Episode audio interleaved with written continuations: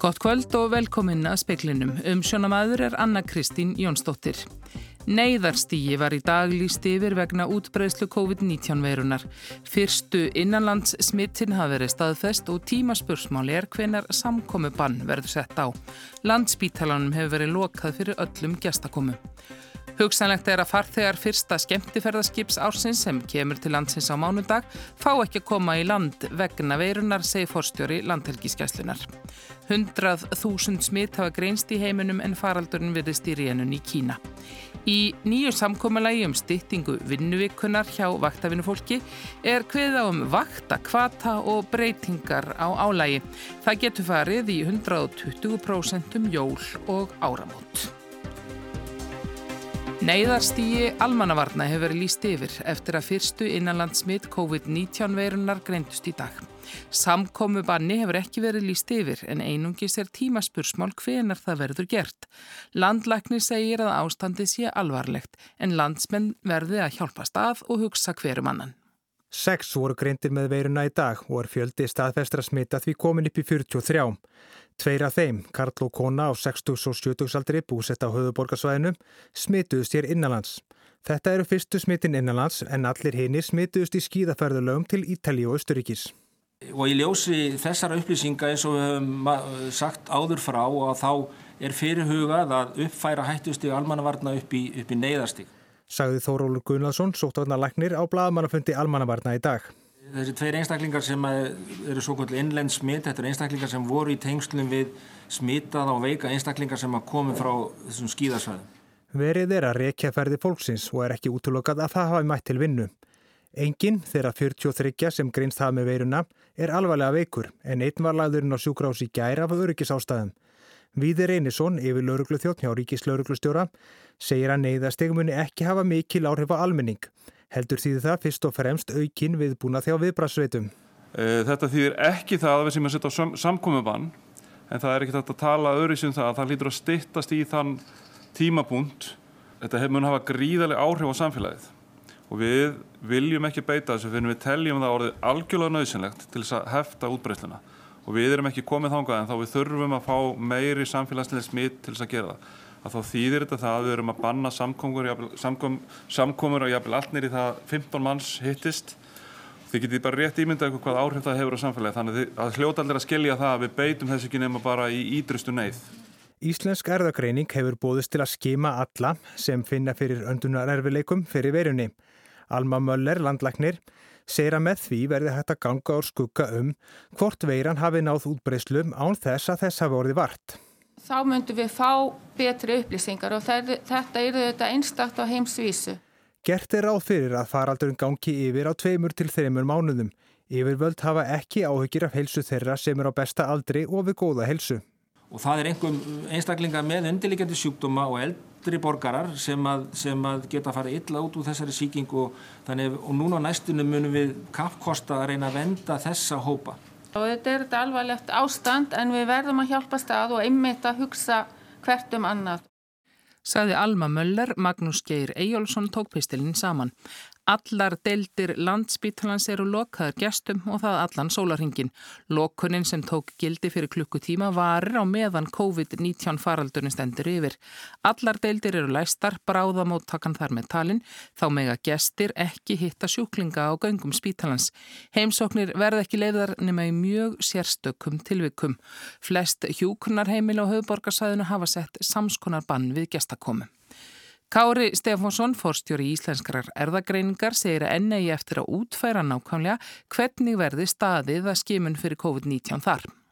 Hugmyndin er að gera þetta bara eins og það er gert núna, sjá maðurspítalunum, að, að við myndum búa til einhvers konar drive-thru þar sem fólk kerði að einhverjum stað þar sem að það myndi stinga haustum út um glukkan og fólk sem væri flætt í réttan varnarbúna með grímu og slopp á hanska myndi taka úr þeim sie nur mehr vornimmt. Sagði Kári Stefánsson í síðdegis útvarpin á Rás 2. Veiran dreifir sér víðar en á Íslandi, smittum fjölgar um heim allan. Staðfest tilfelli af COVID-19 eru komin yfir 100.000 á heimsvísu, þó tekist hafi að draga úr útbreyslu hennar í Kína en 80% kórunusmita hafa greinst þar. Þar var líka flestir látist af völdum veirunar, ofinbæra tölu segja að fjöldi látina í Kína sé rétt tæplega 3000. Það er von á fyrsta skemmtiferðarskipi ársins á mánudaginn. Það eru 1200 farþegar um borð og 600 manna áhöfn. Georg K.R. Lárusson, fórstjóri í landhelgiskeslunar, segir að gerðar verði sérstakar ráðstafanir vegna skipakominar. Við öflum upplýsingar um skip og fáum almennar eh, heilsufásupplýsingar frá skipum. En nú hefur við gripið til þess ráðs vegna sérstaklega aðstæðana að, afla ítalegri vótorða. Eh, þar sem að skipstjóra og eftir vil eh, skipslækni ber að upplýsa hvort grunur síðan COVID-19 smitt um borð og ef svo er þá verðum við gera sótvartalækni viðvart sem svo í samræðu við annur stjórnvöld gerir viðandir ástafanir svo sem er svo að, að banna uh, farþegum að, að stíga á land og uh, komið í veg fyrir að skipleggist að bryggjum meðan að unniður úr sínum. Sagði Georg Káur Lárasson. Nótkunn flugelda verður einungis heimil á ákveðinu tímabili á gamlarsdag, nýjárstag og þrettandanum verði farið að tilugu starfshópsar áðuneyta um það hvernig draga megi úr neikvæðum áhrifum mengunar frá flugeldum. Samninganemdir BSRB, Sameikis, Eblingar og Sjúkraliða hafa setið á samningafundum í allan dag. Gert er áð fyrir að fundað verði myrkran á milli um helgina. Á mánudag er bóðað til verkfalla þúsunda manna. Í dag skrifaði samninganemd Starfsgreinasambands Íslands undir nýjan kjærasamning við samninganemd Ríkisins. Samningur Starfsgreinasambandsins og Ríkisins nær til átján aðildarfélaga sambandsins. Þetta eru cirka bát svona 16-1700 félagsmenn. Segir Haldóra S. Sveinstóttir formaður samninganemdar starfsgreinarsambandsins. Samningurinn er afturvirkur og gildir frá 1. apríl í fyrra til 31. mars 2023. Haldóra segir að í þessum samningi felist stór tíðindi. Það er vaktavinnan, stytting í vaktavinnu, stytting vinnuvíkuna, í vaktavinnu og einni í dagvinnu. En það var mikil vinna að ná samkomlaði hjá öllum sambandum styttingu í vaktavinnu og þegar hún lág fyrir þá vorum við tilbúin. Halldóra segir að þetta hafi verið langt og stránt samningaferli en að málaliktir hafi verið farsælar. Þetta er algjörlega í anda nýfskjáðarsamningsins, við náum 90 krónum á allt okkar fólk og þetta er algjörlega í anda hans. Sagði Halldóra S. Svinsdóttir Jóhann Hlíðar Harðarsson talaði við hana.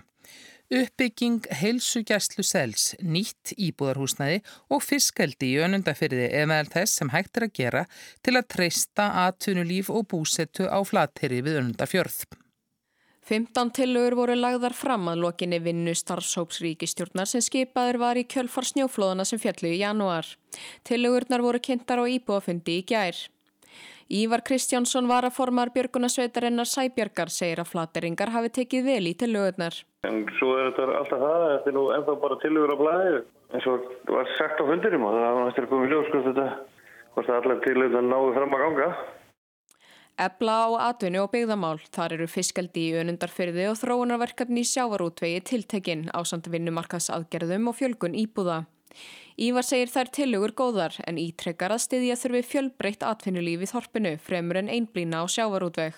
Fimm liðir fela í sér nýjar skuldbendingar fyrir ríkissjóð. Þeirra á meðal er uppbygging heilsugjæslu sels, tryggstar sem er líðskólans á flateri og kaup á björgunabát fyrir þorpið til að þjóna sem flottaleið þegar flateravegur er lokaður. Þá eru fjórar tillögur taldar mikilvægar til þess að auka öryggi í þorpinu. Það er snúað ofanflóðavörnum, endur skoðun skipulags og viðbræðs almannavarna og rafmaksöryggi. Ívar segir tillögurnar allar af hennu góða en fyrst og síðast þurfa að tryggja öryggi. Bara að fólk viti hvað er gott að búa hérna. Þetta sé mikið svirði að, tryggja öryggi okkar þannig að við getum haldið áfram að vera hér og fjölka því svo við vera að gera undanferðið tryggja skólan hérna okkar, bæði grunnskóla og lífskólan. Þetta er, þetta er allt upp á við og vonandi verður það bara áfram og þess vegna þurfum við betra öryggi. Saði Ívar Kristjánsson, Elsa Maria Guðlöks Drífudóttir talaði við hann. Arnar Pál Högsson, fréttamaður í speklinum hlaut í dag, bladamanna verðlaun ársins fyrir að fjalla um kjaramál af djúpri þekkingu í ótal fréttum og fréttaskýringum á tímum mikils umróðs á vinnumarkaði eins og segir í umsögn Dómnemdar Blaðamannafélags Íslands. Þá hlutu fréttamenn ríkisútvarsins í kveik og Blaðamaður stundarinnar verðlun fyrir umfjöllun um samherjamálið. Stundin fekk verðlun fyrir bestu umfjöllun fyrir fréttaflutningum hamfaralínun. Viðtal ásins var í kompási á stöð 2, rætt var við barn sem var lokað inni á heimili með geðveikri móður. Brondi Brottarsson sagði frá. Vegagerðin segir að gera með í ráð fyrir að vegum undir eigafjöllum og í Öravarsveit verði lokað vegna viðurs snemma í fyrramálið og þeir verði lokaðir eitthvað fram eftir degi.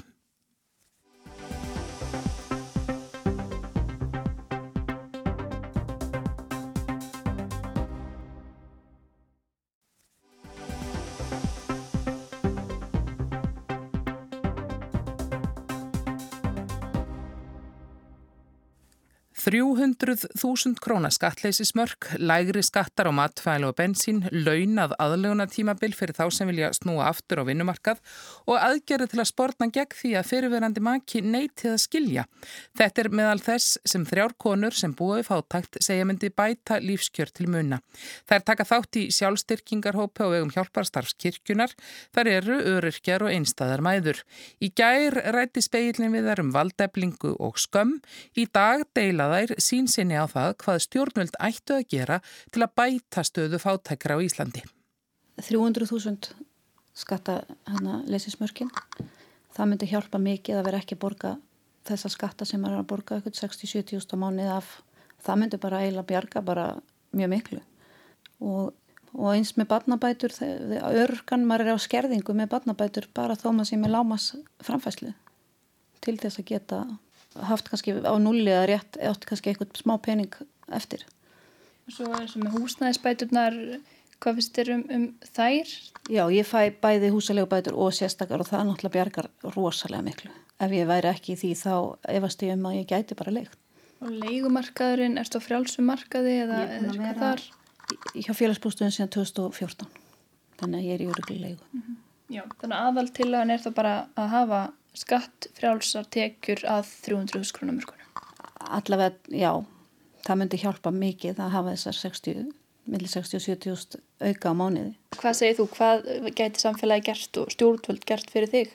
Ég er eiginlega samanlega því að sem hún er að tala um að hafa skatleirinsmörkin 300.000 en það er annar sem kemur inn í þetta að ef við fáum endurgreifsli frá lífyrirsjóði eða eitthvað svo leiðis að þá skerðist það á tekjum hjá okkur og það er ég ekki sammála vegna þess að, þetta er eitthvað sem við eigum inni og það á ekki þurfa að skerða okkur tekjur. Nú er ég með maganum vegna þess að ég fekk einmitt frá lífyrirsjóði og mér kviði fyrir þegar er verið að gera upp núna í ágúst, hvort ég hafi bara endala peninga fyrir leigu og öllu sem sagt núna á þessu ári þegar að gera samt um skattaframtalið. Hvað segir þú? Ég myndist mikilvægast að, að það veri lækkaði skattar á matvæli með staðnum 1, 2 og 3 og bensin því að oft þurfum við að segja þjónustu út um allan bæ að retta ymsu og, og fara með pappir að hinga á þánga því að það er eins og sem margar stopnarnir sem ættir raun bara að vera eins sem segjum allt saman. Þannig að við erum í raun alltaf að sendast fram og tilbaka og eins með þegar fólk lendir í skilnaði ef annar aðlega neytur að skilja þá situr hinn uppi með að þurfa að borga fulla, fulla leigu far ekki húsalegubætur sérstaklega húsalegubætur og ekki meðlag. Þannig að pakkin í raun skuldinna hækka alltaf meira og meira og það er engið sem leiðbynir manni hvað maður á að gera. Og, og, og þessi segir þetta, þessi segir hitt og svo nokkrum árum setna, já nei þú ættir að koma fyrir tveimur árum, núna er það seint og sömulegðis með svona sammelan kostnaði eins og, og tannréttingar anna uh, nú fáum við þrjá mánuði til að skila inn gögnum og ég er búin að finna fullt af gögnum og, og allar nú að láta rukka þá nei því miður þú ert ekki skilin að borða sæng og eða bara skilin. Og þá situr maður uppi með að þurfa að borga allan kostna og allir segja nei þú færð ekki endurgreyslu þú færð ekki það, þetta er bara svona, þetta er kerfið og við getum ekkert gert í því. Og það þyrti að vera einn stofnun sem sér bara um að þú getur bara farið inn í eitt hús og farið millir hæða, það er ekkert mál en að vera að senda okkur út um allan bæ fram og tilbaka þetta er bara of mikið. Og þegar maður loksins kemur með papírana nei, þá komum við þetta inn að þryggjamána bara svo sorry Má ég líka koma inn á? Ég reynd, hérna, fór að vinna á tímanbili og að því ég byrjaði ekki að vinna 1. janúar, byrjaði á miðju ári þá þurfti ég að borga tilbaka ég vann í, í hérna, tæft, uh, um ár og ég skuldaði þegar ég var búin að vinna þetta ár 300 og eitthvað þúsund til drengastofnunar en ég var bara að fá kannski 90.000 á mánuði útborgað Já, þannig hvaðtinn til að fara að vinnumarkaðin er neikvæðurinni. Já, það vantar líka þessa aðlugun að gefa manni kannski 6 mánuði árið, 1,5 ár hvort að maður fungir á vinnumarkaðinum að því maður þorir ekkert að fara því maður bara, mér var bara sagt já, það er best verið að fara að vinna fyrsta janúar að því ég er með eitthvað uppbót sem að, að því var það gömur þegar ég fór á örgu þannig ég fæ eitthvað uppbót sem að dettu niður leið og ég byrja að vinna og og ef ég byrju ekki að vinna fyrsta janúar þá þurfti ég að borga tilbaka þannig ég er þrjú ára að borga tilbaka þegar ég var að vinna eitt ár. Uh, Sáttum við treykingarstofnum uh, að þeir ætla að setja okkur í mat, hefnismat og þetta sko starfshefnismat á bara enga veginn við. Það kom eins og í fréttum um það fólk sem hefði farið kannski í þetta starfsmat getur mat að það bara, það fyrirfór sér. Eins og ég segi, þú veist hver, hver getur metið það hvort að þú getur farið að vinna eða ekki? Það, veist, það er enginn sem veit hann um að þú sjálfur hvort þú hendlir maður getur kannski unnið í þrjá fjóra daga og svo dettur maður að pompa niður í tvo daga eða lengur. Að því að maður að þú veist gera hluti sem maður er ekkit vanur að gera og í svona langan tíma. Það þurfið þá kannski að þú veist tala um svona einhver tíma, aðlöfna tíma eða, eða sveigjanleika. Já Konurnar glýma við ímis veikindi og ströggla fjárhagslega en það stoppar þær ekki í að vera virkar í einsum félögum og sinna sjálfbóðarstarfi. Allar dreymir þær þó um að verða enn virkari og komast út á vinnumarkaðin. Það er draumurinn en ég bara efast um það eins og mér er í dag bara en mér langar það. Svo mín framtíðasinn er náttúrulega að komast aftur á vinnumarkað eins og ég var hérna fyrir árið 2000 en uh, ég náttúrulega greinist líka með sjálfsóknum sjútóm og, og er með mikla gikt þannig sumadagana get ég verið góð sumadagana er ég ekki góð. Þannig ég veit ekki hvort að einhver vinnustæðar geti tekið á mótið með þannig. Ég, ég náttúrulega veit aldrei hvaða dag ég er góð og hvaða dag ég er ekki góð. Uh, Ég fór í HR á fremgreinar útskæðast þar og svo byrjaði ég í sálfræði en var það hætta við að því að ég sá ekki fram að geta borga önnina og en stefnan er að fara aftur í nám. Þegar ég er aðeins búin að gringa á skuldarum. Og hérna mín ósk er svo að geta unni þá með börnum í framtíðinu sem að eru ofta brottum heimilum. Og það er óskinn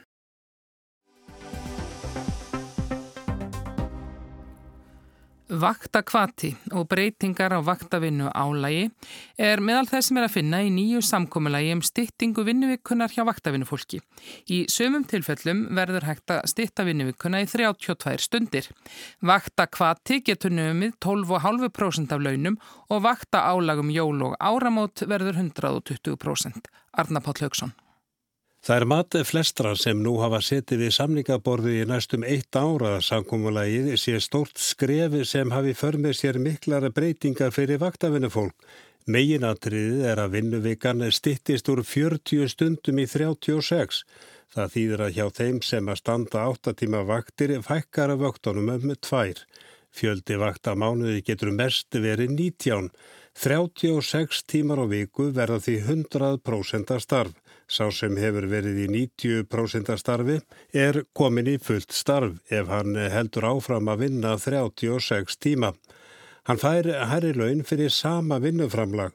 Þetta á í raun við um alla sem er í hlutastarfi og hvartir til þess að þeir hækki launin með því að auka vinnulhutvallið án þess að vinna lengri vinnutíma. Markmið er að meðal starfslutvall aukist um 12% stig. Og vaktavinnu álagi breytist, það er nú annars verð 33,3% að dagvinnu kaupi í kvöldvinnu á virkum dögum og 55% í nætur og helgarvinnum. Í nýja sankumunænu bætast við tvær álagstölur, 65% og 75%. Álaði á virkundögum og á kvöldin verður áfram 33,3% og það verður áfram 55% á förstudagskvöldum og á laugardögum og sunnudögum frá morgni til miðnættis. Hins vegar verður álæði 65% á næturvögtum virkadaga og fer í 75% um helgar á nóttinni. Stórháttiðar álæði verður áfram 90% en þó eru breytingar sem gætu glatt einhverja. 120% álag verður frá fjögur og fram að miðnætti aðfangadag og gamlarsdag og frá miðnætti til átta að morgni, jóladag og nýjástag. Bakvakta álægi verður áfram eins og það hefur verið. Og þá er það nýtt að vinnu skildu stundir vaktafinu fólks sem stendur vaktir á kvöldun og um helgar fá aukið vægi. Klukkutímin hjá þeim sem eru með 33% og 55% álag reknast 63 mínútur. Klukkutíminni fer hins vegar í 72 mínútur hjá þeim sem er á þingri vöktum 65% og 75%. Vinnuskyldan hjá þeim sem er í fullu starfi getur með þessu álægi farið niður 32 stundir. 32 stundur á viku geta því verið fullt starf. Þá er loks gert ráð fyrir því sem kallað er vakta kvati í mjög stuttum áli greiðist hann að mánuðalönum í samræmi við fjölbreytileika og fjöldavakta. Hann fer í 12,5% fyrir 17 til 19 vaktir á mánuði að getur farði í þetta hlutfall. Vaktakvatin er mismunandi og lægstur getur hann verið 2,5%. Til að fá vakta kvata þarf starfsmaður að standa vaktir í tveimur til fjórum tegundum vakta, 14 sinnum eða oftar. Það er gert ráð fyrir tvernskonar yfirvinnu, 1 og 2. Lengi var þrefað um hlutvallið í yfirvinnu 1 sem átt að vera 0,85% á launum. Yfirvinna 1 er greitt frá 8. morgni fram til hlukan 5 sítegis. Niðurstaðan er að hlutvallið verður 0,9385 hlutvall næturvinnu verður áfram þar saman. Þessar breytingar hafa kostnaði förmer sér bæði fyrir ríki og sveitarfélög. Speillin hefur áður sagt frá því að kostnaði ríkisins gæti verið á bylnu 3-4 miljardar króna. Almennt hækkar launakostnaður með 7,1%. Hann tengist fyrst og fremst því að stýttingin kallar á meiri mönnun vakta. Það sem kemur á mótir meðal annars að ekki verður greitt sérstaklega fyrir kaffitíma Vaktafinu fólk hefur fengið greittar 25 mínútur aukalega fyrir hverja vakt. Þá er gert ráð fyrir að hlutvall yfirvinnu læki með nýja skipulæginum. Það á að taka gildi 1. mæ 2021 eða á næsta ári og markmið með breytingunum er að stuðla betri heils og öryggi vaktafinu fólks og auka frítíma þess, til dæmis með fjölskyldum sínum. Breytingarnar eiga að gera vaktafinu störf eftir sóknarverðari. Fyrir 25 árum var kvennaráðstefna saminuðu þjóðana haldinn í Peking í Kína. Það er gefin fyrir heit um bættan hlut kvenna. Stjórnvöld Ímissa landa samþyktu framkvæmda áallun sem átt að skila árangri í jafnbrettismálum. Íslensk stjórnvöld einsettu sér að stöðla jafnbretti kynjan á vinnumarkaði, brúa launabill og auðvelda körlum og konum að deila ábyrð á fjölskyldu og heimilistörfum. Það var sjónum sérstaklega beint að réttindum telpna. Þær væru enda konur framtíðarinnar. 1995, árið sem Peking ráðstefnun var haldinn, fætust 64 miljónir stúlna í heiminum. Í ár er búist við að þær verði 68 miljónir.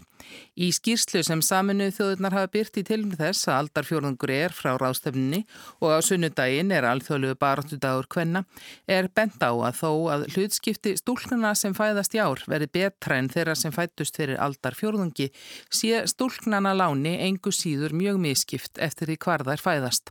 Lífslíkur þeir að hafa batnað meðal ævilengdin lengst um 8 ár en kjörin sem þær búa við langt frá því sem stemt var að. Fátækastu stúlkunnar í heiminum hafa ekki fengið að njóta þess þó að miklu fleiri stúlkur geti sótt sér mentun en áður.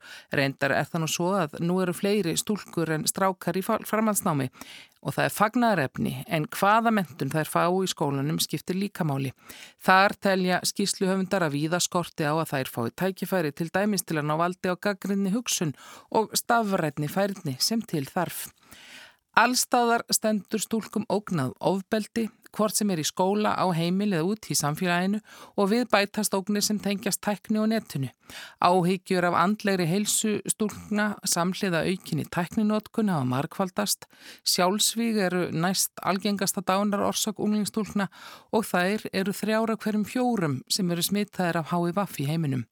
Mestu skiptir, segja skýsluhöfundar saminuðu þjóðana, að stúlkur fái virkarött og séu þáttakendur þegar kemur að því að taka ákvarðanir sem hafa áhrif á lífið þeirra allra. Kristín Ástkjelsdóttir, fyrirverandi framkvæmda stýra í Apariðstofu, var fulltrúi alþingis á ráðstefninni í Peking. Þetta var, var fjóruða kvennar ástefna saminuðu þjóðana og það er hægt að segja sko að frá hverri rástefnu þá hafa verið tekinn svona ákveðin skref, það hafa komið nýmál inn í umræðuna. Og það sem var náttúrulega merkilegt við rástefnuna í Kína var að þar var sett niður framkvæmda áætlun með ákvæðum um eftirfylgni. Og, og þessu hefur verið fyllt nokkuð vel eftir með því að kalla lönd inn og, og spyrja hvað eru þið að gera, hvað er það að gera þessu, hvað er það að gera í hinnu og það sem var nýtt, þetta er náttúrulega mikið sömu málinn sem hafa verið til umræðu frá upphafi, heilbreyði, fæðingar, tíðni, döð, mæðradauð og fleira, og fleira og fleira.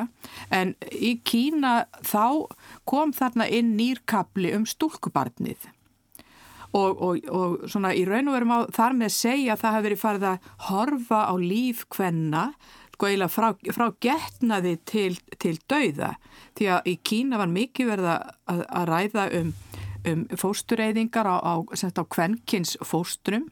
Það var mjög mikið gert í Kína og í Kína vantar sko miljónir kvenna inn í, í, í búa fjöldan og, og það var farið að beina sjónum að ofbeldi gegn, gegn stúlkubörnum bæði sko kynferðislu ofbeldi og, og annars konar ofbeldi og, og ekki síst e, náttúrulega enn einu sinni limlestingum á, á kynfærum stúlkubarna og kvenna en það er náttúrulega mjög mikið stúlkurnar sem verða fyrir því og það, það var nú búið að vera í umræðinu alveg frá 1980 þannig að, að já, og, það var þessi framkvæmda áætlun og eftirfylgnin sem að skipti þetta mjög miklu máli.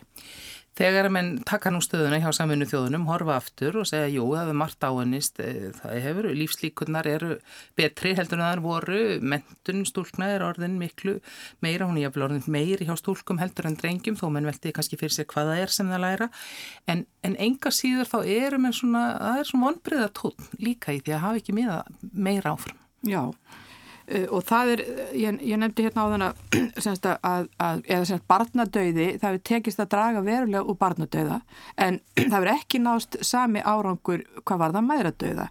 Og í, í stórum hluta heimsins eru, eru stúlkur að giftast allt og snemma og eignast börn allt og snemma og allt of, allt of oft. Og, og þetta bara kostar þær lífið. Og eins er, hefur verið eh, gríðarlega tókstreita alveg frá já, já, ég veit ekki hvað að fara langt aftur um rétt hvenna til þess að ráða yfir eigin líkama.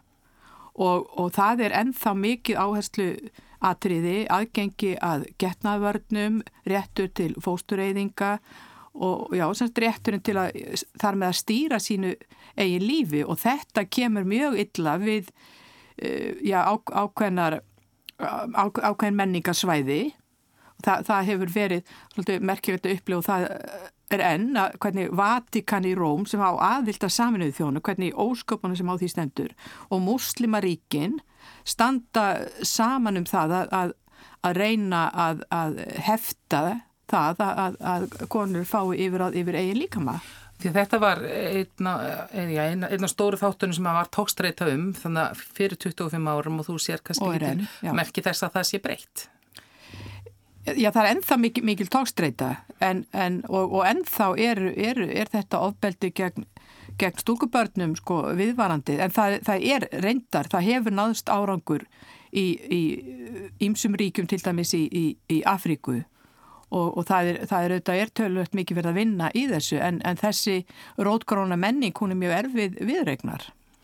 Það er alþjóðlegu barndagur hvenna núna á sunnudaginn, hvað er ennþá brínast eða hvað finnst þér að vera brínast í, í jafnveitsbartun? Já, já, ég sé það að, að það sem að, að til dæmis saminuð þjóðunar setja á, á oddin, það er, það er að hveða niður, niður ofbeldi ekki að konum og börnum og, og það er einmitt, það er bent á það að að í þeim málum er alltaf að, að verða að koma nýja og nýjar áherslur, sérstaklega núna undanfarið á, á kynferðislega áreitni og stafrænt ofbeldi, hvernig, hvernig konum er hótað og, og það er já, beittar ofbeldi í gegnum, gegnum netið. Og það, það er aðgangur að heilbyrðistjónustu og, og, og þess sem ég var að tala um, sem sagt kynheilbyrði hvenna, það er pólitísk þáttaka og síðan að, aðgangur að, að mentun, starfþjálfun og, símentun sem, sem er náttúrulega áherslu atriði sko frá, bara alveg frá upphafi, frá fyrstu hvenna ráðstefnunni í Mexiko 1975. Mm. Það er mitt vísa til þess að nefna hérna politíska þáttu, þáttöku að það sé sem skipti hva, ennþá hvað mestu máli er að rödd þessara hvenna og stúlna sé virkjuð þegar kemur að taka ákvarðanir sem hafa áhrif á helsu þeirra á líf. Þegar hvenna ráðstefna var haldin í, í, í, í Peking 1995, þá var hlutur hvenna á þjóðþingum 10%. Hann er núna 24,9%, 25 árum síðar og eftir alla þessa umræðu og barátu. Þannig að þetta er náttúrulega dæmið það hversu ræðilega hægt gengur. Saði Kristín Ástkjastóttir. Það veru vaksandi austanátt og þyknar upp stormur eða rók síðst á morgun. Það er ekki fleira í spekli kvöldsins, tæknimaður var Markus Hjaldarsson veriði sæl.